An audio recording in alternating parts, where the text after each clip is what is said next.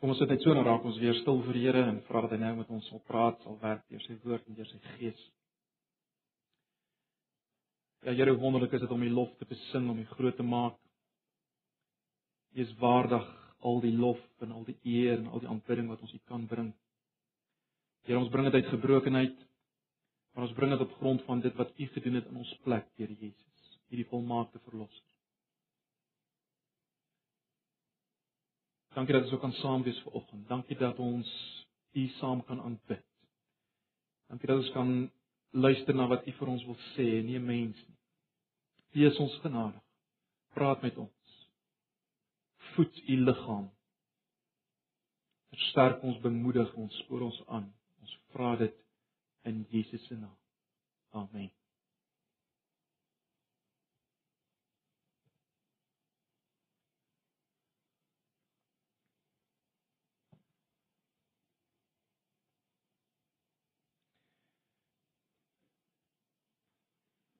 Uh, broers en susters, uh, ons is uh, vanoggend hier by mekaar, soos julle sal weet, vir die jaarlikse hertoewyding geleentheid. Elke jaar kry ons die geleentheid om as gemeente onsself weer te verbind tot hierdie gemeente.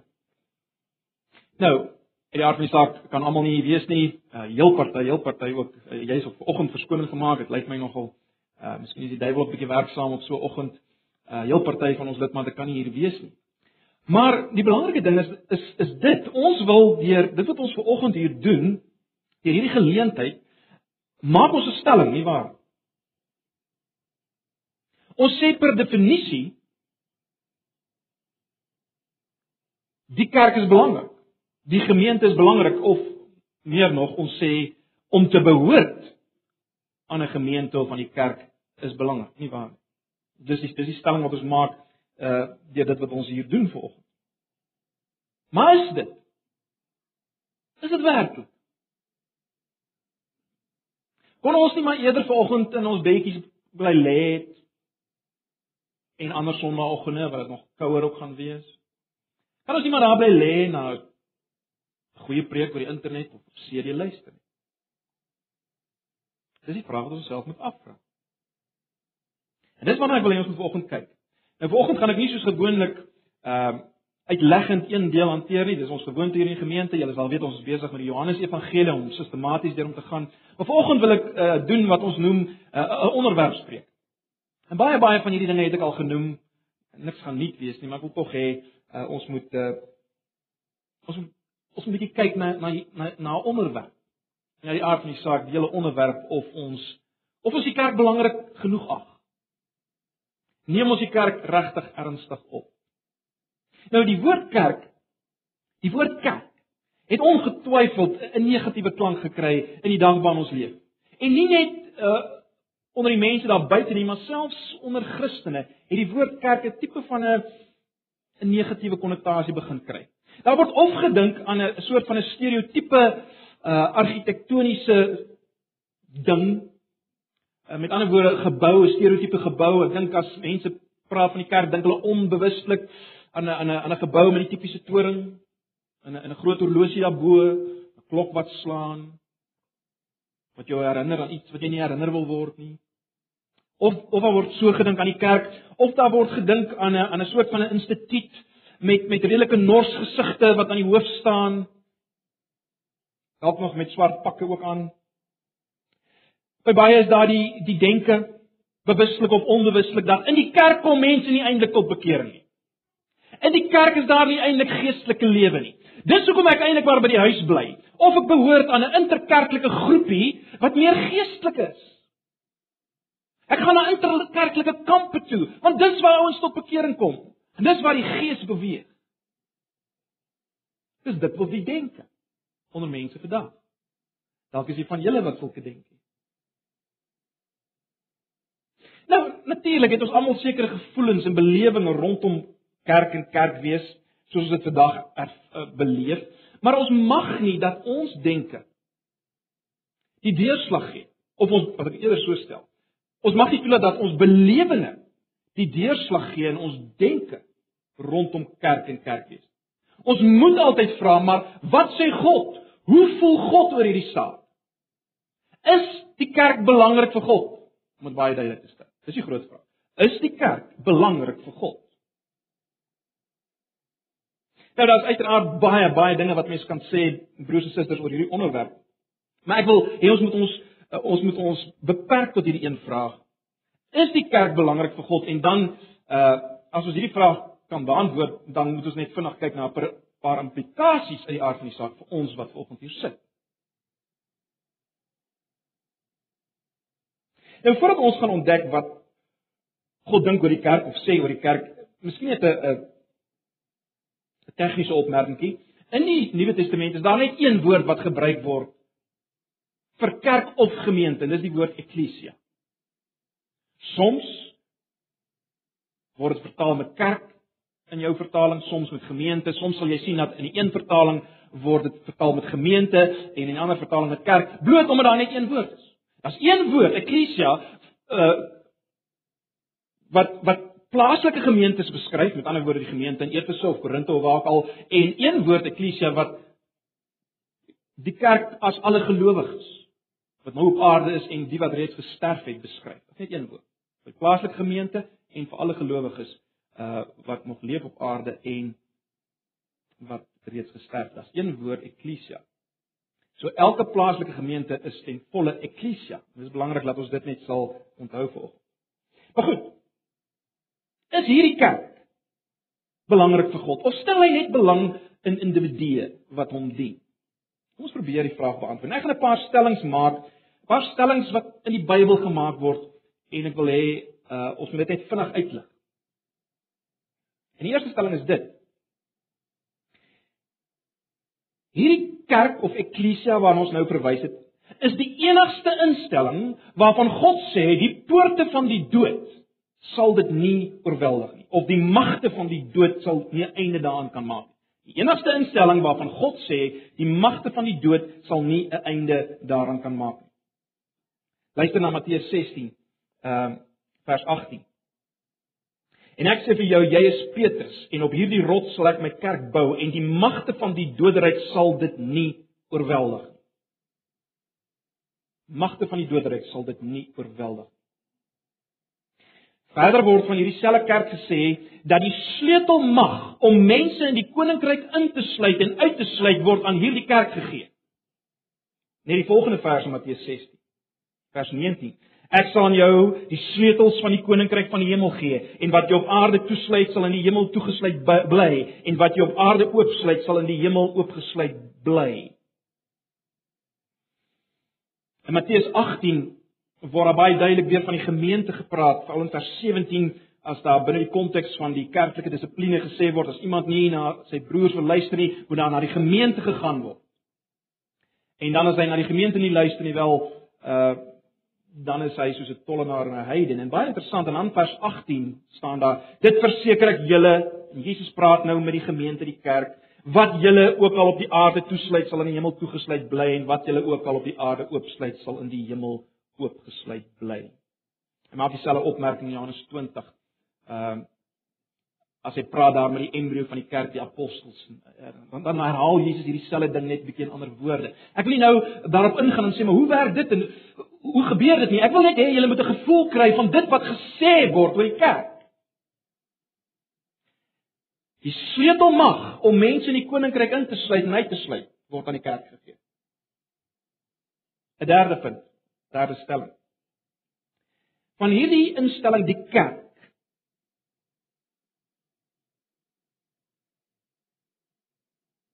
word duidelik gemaak dat dit die enigste plek is waar ons verseker kan wees Christus is teenwoordig. Dis die enigste instelling waarvan ons verseker kan weet Christus is daar teenwoordig. Om die waarheid te sê dat hy wandel in die midde van van hierdie kerk of dan gemeentes. Gemeente. Luister na Efesiërs 1 vers 22 tot 23. Jesus 1:22 tot 23. Ja, aan hom het God alles onderwerp. Hom bo alles, dis nou Jesus. Bo alles verhef en hom aangestel as hoof van die kerk. Die kerk is sy liggaam. Die volheid van hom is interessant. Die kerk is die volheid van hom. Wie's hy? Die een wat alles en almal vervul. En dan Efesiërs 2 vers 20. Julle, ek dink Andre het dit dalk vanoggend aangehaal. Julle is 'n gebou wat opgerig is op die fondament van die apostels en die profete, 'n gebou waarvan Christus Jesus self die hoeksteen is. In hom sluit die hele gebou saam en verrys dit tot 'n heilige tempel vir die Here, in wie julle ook saam opgebou word as 'n geestelike huis waarin God woon. Kerk is die enigste plek waar ons verseker kan wees God en Christus is daar teenwoordig. Luister net na Openbaring 1 vers 20 uh tot 2 vers 2. Ons ken dit. Die geweldige gesig wat Johannes gesien het uh van die opgestane Jesus. En al daai heerlikheid wat beskryf word in Openbaring 1 en dan dan word daar die volgende gesê en dit is die verborgde betekenis van die sewe sterre wat jy in my regterhand gesien het, wat Jesus vir Johannes sê. En van die sewe goue lampe, die sewe sterre is die leraars of dan engele van die sewe gemeentes en die sewe lampe is die sewe gemeentes. Skryf aan die leraar van die sewe gemeente van die gemeente in Efese. So sê hy wat die sewe sterre in sy regterhand vashou en wat tussen die sewe goue lampe rondgaan. Hy het nou net gesê die sewe die lampe is die gemeentes. Hy gaan rond. Hy het die een wat tussen die sewe goue lampe rondgaan. Ek weet alles wat julle doen. Dis wat aan Efese geskryf moet word, 'n plaaslike gemeente. 'n Plaaslike gemeente. Na die gemeente word gesê Jesus is die een wat loop in sy gemeente. Dis die enigste plek waarvan ons verseker kan weet God en Christus is daar teenwoordig. 'n Vierde stelling. Dit is van hierdie kerk wat gesê word dat Christus sy bloed daarvoor gestort het. Van niks en niemand anders word gesê dat Christus sy bloed daarvoor gestort het nie. Luister na Handelinge 20 vers 28. Paulus praat met 'n plaaslike gemeente se ouderlinge op die strand. Gemeente in Efese. Luister wat sê hy: Pas julleself op. Handelinge 20 vers 28. Pas julleself op en die hele kudde wat die Heilige Gees onder julle sorg gestel het, Soos wagters 'n kudde versorg, so moet julle die gemeente, dis die woord wat daar gebruik word, die eklesia, so moet julle die gemeente van God versorg wat hy vir hom verkry het deur die bloed van sy eie seun. Let op, hier word van 'n hier word van 'n plaaslike gemeente in Efese gepraat. Paulus sê, dis hierdie gemeente wat God verkry het deur die bloed van sy seun. Praat nie net daar, ver praat van die gemeente hier. Ons ken almal Efesiërs 5 vers 25. Mans, julle moet julle vrouens lief hê soos Christus die kerk, dieselfde woord, eklesia, liefgehad het en sy lewe daarvoor afgelê het.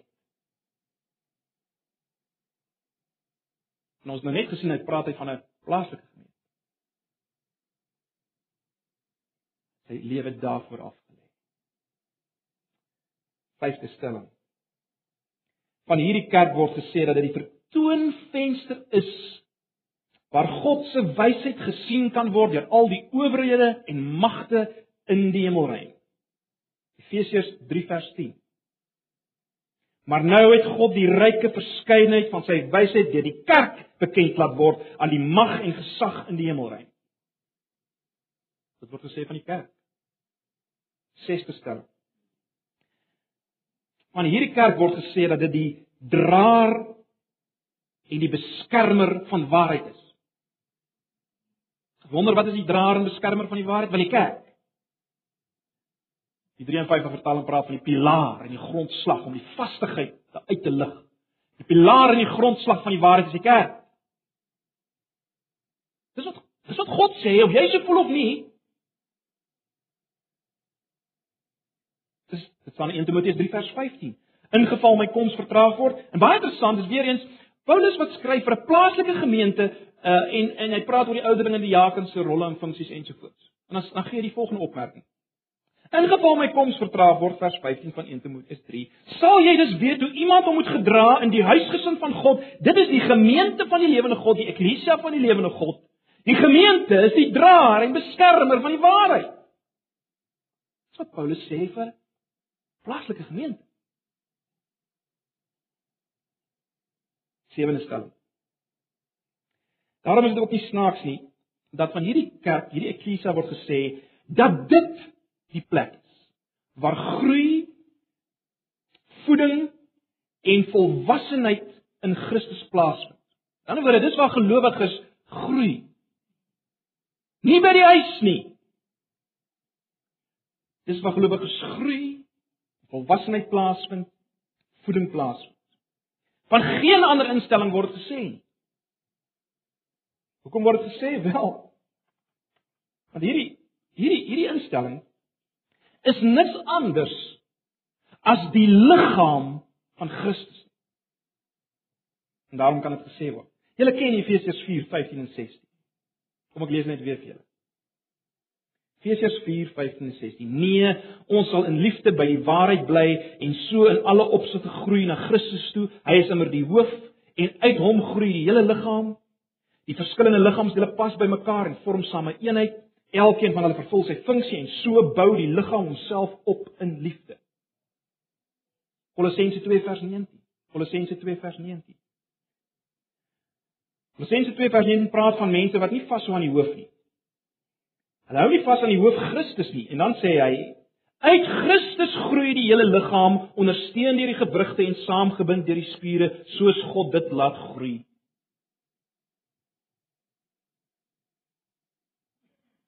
Die eklesia is die liggaam van Christus. Dis nie net soos die liggaam van dit is die liggaam van Christus. Glo dit. Dis die liggaam van Christus.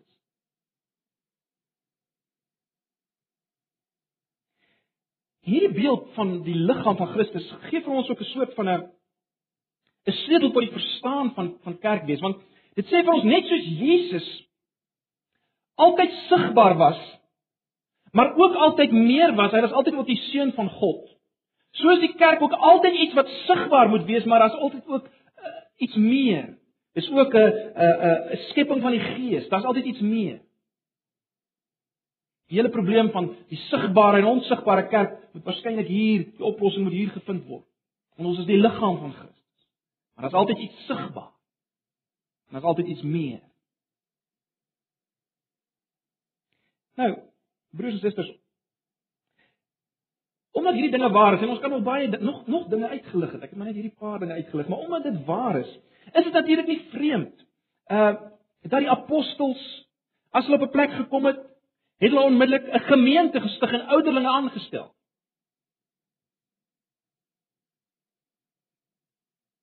Hulle het nie papiertjies uitgedeel met teksgedeeltes sê gaan nou rustig by julle huise en gaan lees net daar en hê goeie stilte tye nie. Nee, hulle het gemeentes gestig. Apostels aangestel, ag ouderlinge aangestel, gemeentes gestig. Al die briewe, julle weet dit. Al die briewe in die Nuwe Testament is nie vir jou as individu geskryf nie. Dis vir gemeentes geskryf. En daarom is jy ingesluit. Daar is nie aan aan individue is aan gemeentes gerig. Christus die briewe.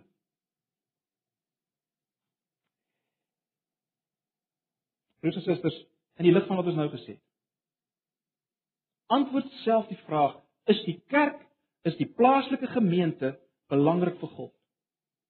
En moet dit vir jou belangrik wees? Antwoord dit self. Ek dink die antwoord is voor aan lig. Ek hoef eintlik niks te sê. Maar kom ons bedink 'n paar implikasies hiervan. In die eerste plek dit. 'n Christen sonder die deel wees aan 'n kerk, 'n sigbare gemeente, is 'n logiese teenstrydigheid. Daar kan eintlik nie so iets wees nie. Ek weet, daar sal nou wenkbroue lig, maar dit is so.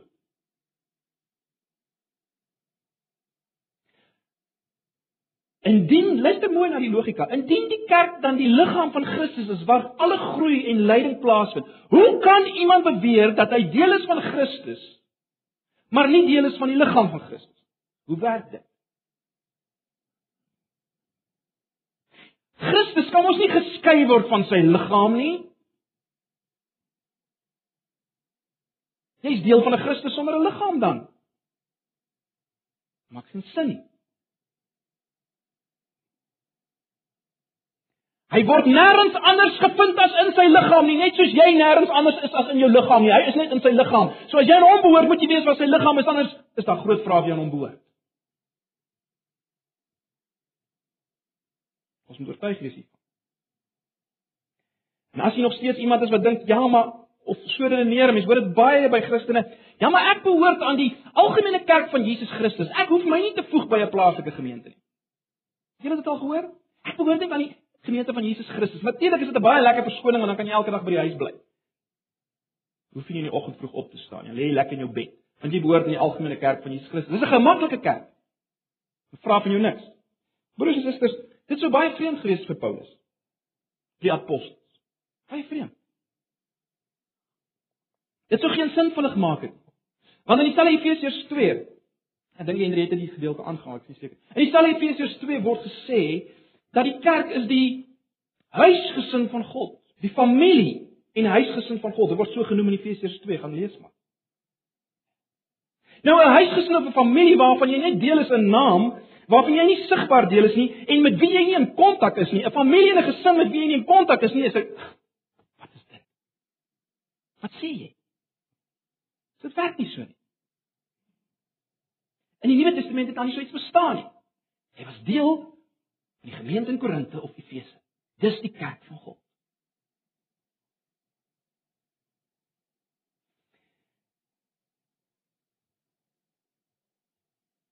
Jy sien broers en susters, ek dink as iets wat ons mis.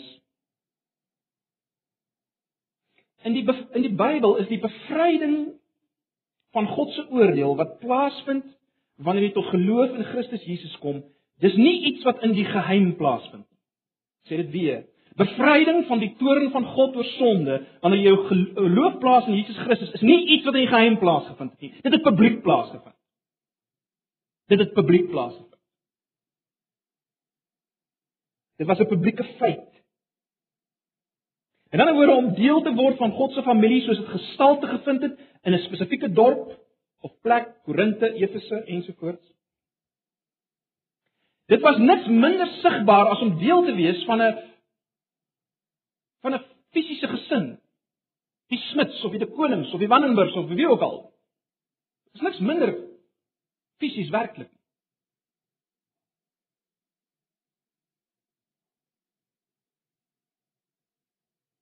Dis publiek. Mense weet dit. Jy verlos geword het. Jy deel van 'n gemeente. Dis die bewys dat jy nie onder die toorn van God meer is nie. Enigste bewys dat jy nie meer onder die toorn van God was nie, is as jy deel is van 'n gemeente. As jy ons wat daar rond gedwaal het, soek na 'n gemeente. Dan was nie seker goed nie.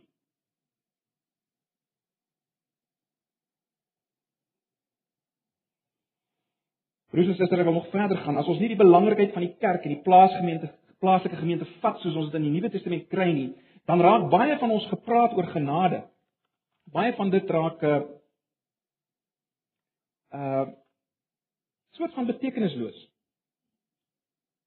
En dit lei tot onsekerheid en selfs vrees. As die genade wat ek van God ontvang net onsigbaar, ontasbaar is, kan ek seker wees ek het dit ooit ontvang?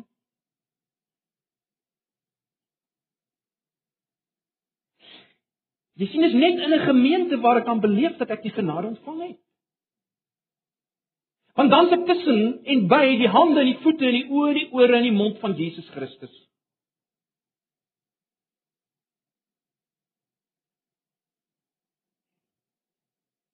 En ek het deel aan die sakramente, die sogenaamde sakramente, die doop en die nagmaal wat vir my dit sê, dit laat dit laat sien, dat laat voel, laat beleef saam met die liggaam, die hande en die voete en die oë. Dis waar ek genade beleef. Weet dat dit so is, dat dit nie maar net 'n droom is nie. Verder meer as ek nie deel is van die gemeente nie, uh is dit nie net dat ek dat my sekerheid bedreig word nie, maar dit kan ook lei tot tot 'n totale valse gerusheid en en aanmatigheid, né? Nee. Ek meen as die as die genade van God net 'n geheime werk in my is, dan kan ek daarop aanspraak maak dat ek dit ontvang het terwyl ek totaal en al net vir myself leef. Lekker selfgenoegsame lewe het. Onafhanklik, goeie ou, onafhanklik. Dan kan ek sê ek is dankbaar teenoor God, maar ek besing nooit sy lof openlik nie. Ek kan sê ek is afhanklik van Jesus, maar ek is van niemand vir niks afhanklik nie. Ek het nie van sy liggaam nie. Ek sê ek behoort aan Jesus. Maar ek is nie verantwoordelik teenoor enige iemand nie. Ek is nie verantwoordelik teenoor sy liggaam nie. Maar ek behoort aan Jesus.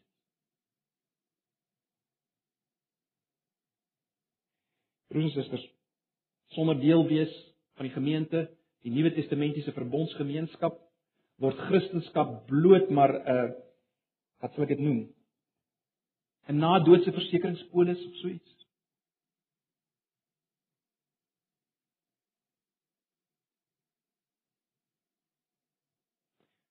Christendom, nuwe verbondslewe is per definisie lewe as deel van 'n plaaslike gemeente, die eklesia. Daarom kan die Hebreërs skrywer byvoorbeeld in Hebreërs 10 vanaf vers 23 die volgende sê. Hy sê: Laat ons die belydenis van die hoop onwankelbaar vashou, want hy wat dit beloof het is getrou. Hy het nou net gepraat van wat ons het in Christus ensovoorts. Teenoor die ou bedeling, teenoor die ou bedeling, die die die ou verbondsbedeling. En laat ons op mekaar ag gee om tot liefde en goeie werke aan te spoor. En laat ons ons onderlinge byeenkomste nie versuim soos sommige die gewoonte het nie, maar laat ons mekaar vermaan en des te meer na mate jy die dag sien naderkom. Want as ons opsetlik Sondag, watter sonde? Om nie die om nie die onderlinge byeenkomste by te woon nie. Dis waarvan hy praat. Want as ons opsetlik Sondag nadat ons die kennis van die waarheid, watter waarheid? Die waarheid van wie die nuwe verbondsgemeenskap, die kerk is, as ons dit ontvang het. En ons bly opsetlik Sondag, bly daar geen offer vir sonde meer oor nie. Maar 'n verskriklike verwagting van oordeel en 'n vuurgloed wat die teenstanders sal verteer. As iemand die wet van Moses, dis die ou bedeling, dis die ou verbond. As iemand die wet van Moses verwerp, het sterf hy sonder ontferming op die getuienis van 2 of 3. Hoeveel swaarder straf dink julle sal hy verdien wat die seun van God vertrap en die bloed van die testament waardeur hy geheilig is onrein geag en die gees van genade gesmaak het? Hoekom kan hy so praat? Van die gemeente en sy onderlinge byeenkomste, daar waar ons mekaar op mekaar ag gee en aanspoor tot liefde en vermaan. Dis waar die nuwe verbondslewe plaasvind. Wat baie meer is as die ou verbondslewe, die wet van Moses. En daarom is dit 'n skrikwekkende ding, dis eintlik 'n ondenkbare ding om dit te dit te, te, te minag want hoekom? Christus is dan daar. Die Gees is dan daar. Hoe kan jy nie daar wees nie? Dis hoekom Hebreërs stel dit as 'n as 'n verskriklike ongelooflike, onvergeeflike sonde. Dit is ondenkbaar, dit is eintlik 'n teenstrydigheid. Dit is ondenkbaar dat jy nie daar kan wees waar Christus is en sy Gees is nie.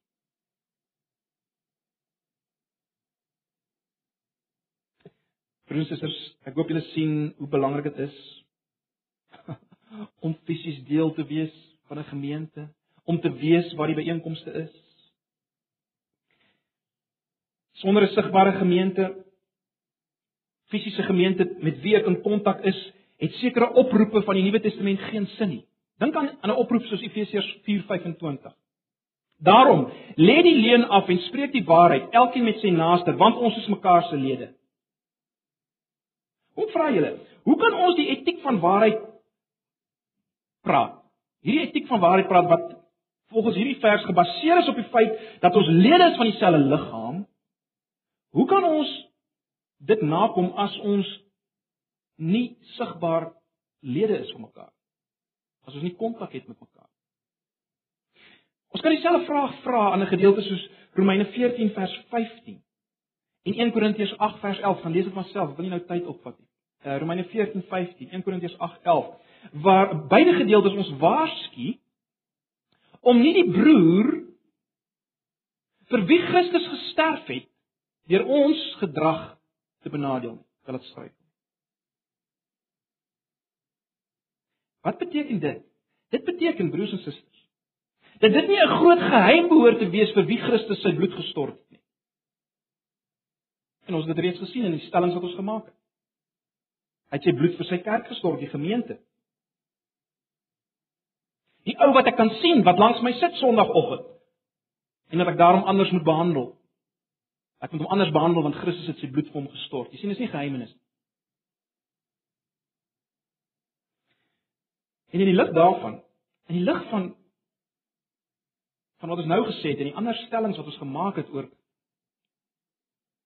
oor die kerk wat die liggaam van Christus is nie, die feit dat hy sy bloed gestort het. In lig daarvan is dit natuurlik nie snaaks broers en susters dat die Nuwe Testament huiwer nie om die kerk en elke plaaslike eklesia die geroepenes of uitverkorenes te noem nie.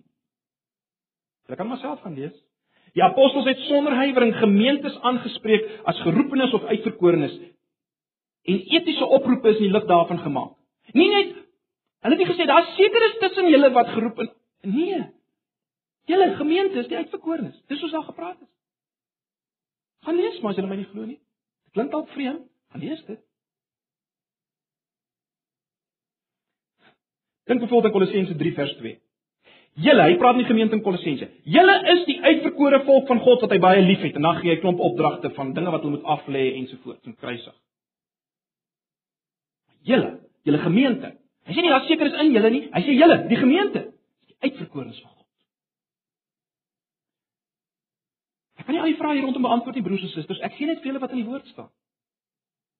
Ons moet vat. Dis al.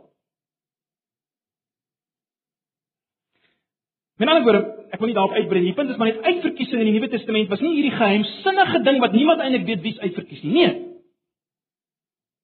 Die dele van die gemeente is uitverkies. Dit was soos dit was in die Nuwe Testament. Geen twyfel. Jy was 'n uitverkorene. Dit is baie logies, is dit nie? Want hoe op aarde kan jy deel wees van die liggaam van Christus vir wie hy sy bloed gestort het en nie 'n uitverkorene wees nie? Sê my. Hoe werk dit? Hoe kan af van jou gesê word jy's deel van die liggaam van Christus? Hy het sy bloed vir jou gestort, maar jy's nie uitverkore nie. Het hy nie sy bloed gestort, is hy uitverkore. Jy sien, dis hoe die Nuwe Testament praat. En daarom sê Efesiërs 1 vers 4, ons is in Christus Jesus uitverkies.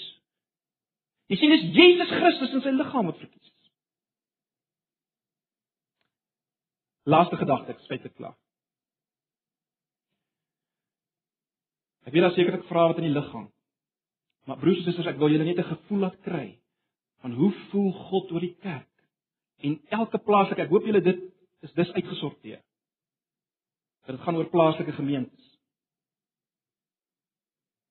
En daarom, laaste gedagte, ek hoop julle verstaan waarom oneenigheid, die saai van tweedrag, skinderpraatjies, jaloesie, slapheid in toewyding en betrokkenheid, slapheid in bywoning en deelname. Hoekom dit so erg is?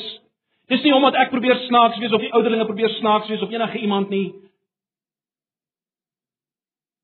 Jy speel met vuur.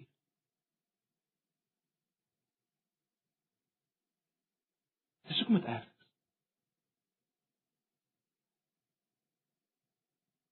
As die stellings waar is wat ons gemaak het, broers en susters, As dit waar is, dan moet hierdie goed mos in 'n ernstige lig beskou word. Dit moet mos. Dan is bywoning mos belangrik. Is dit nie?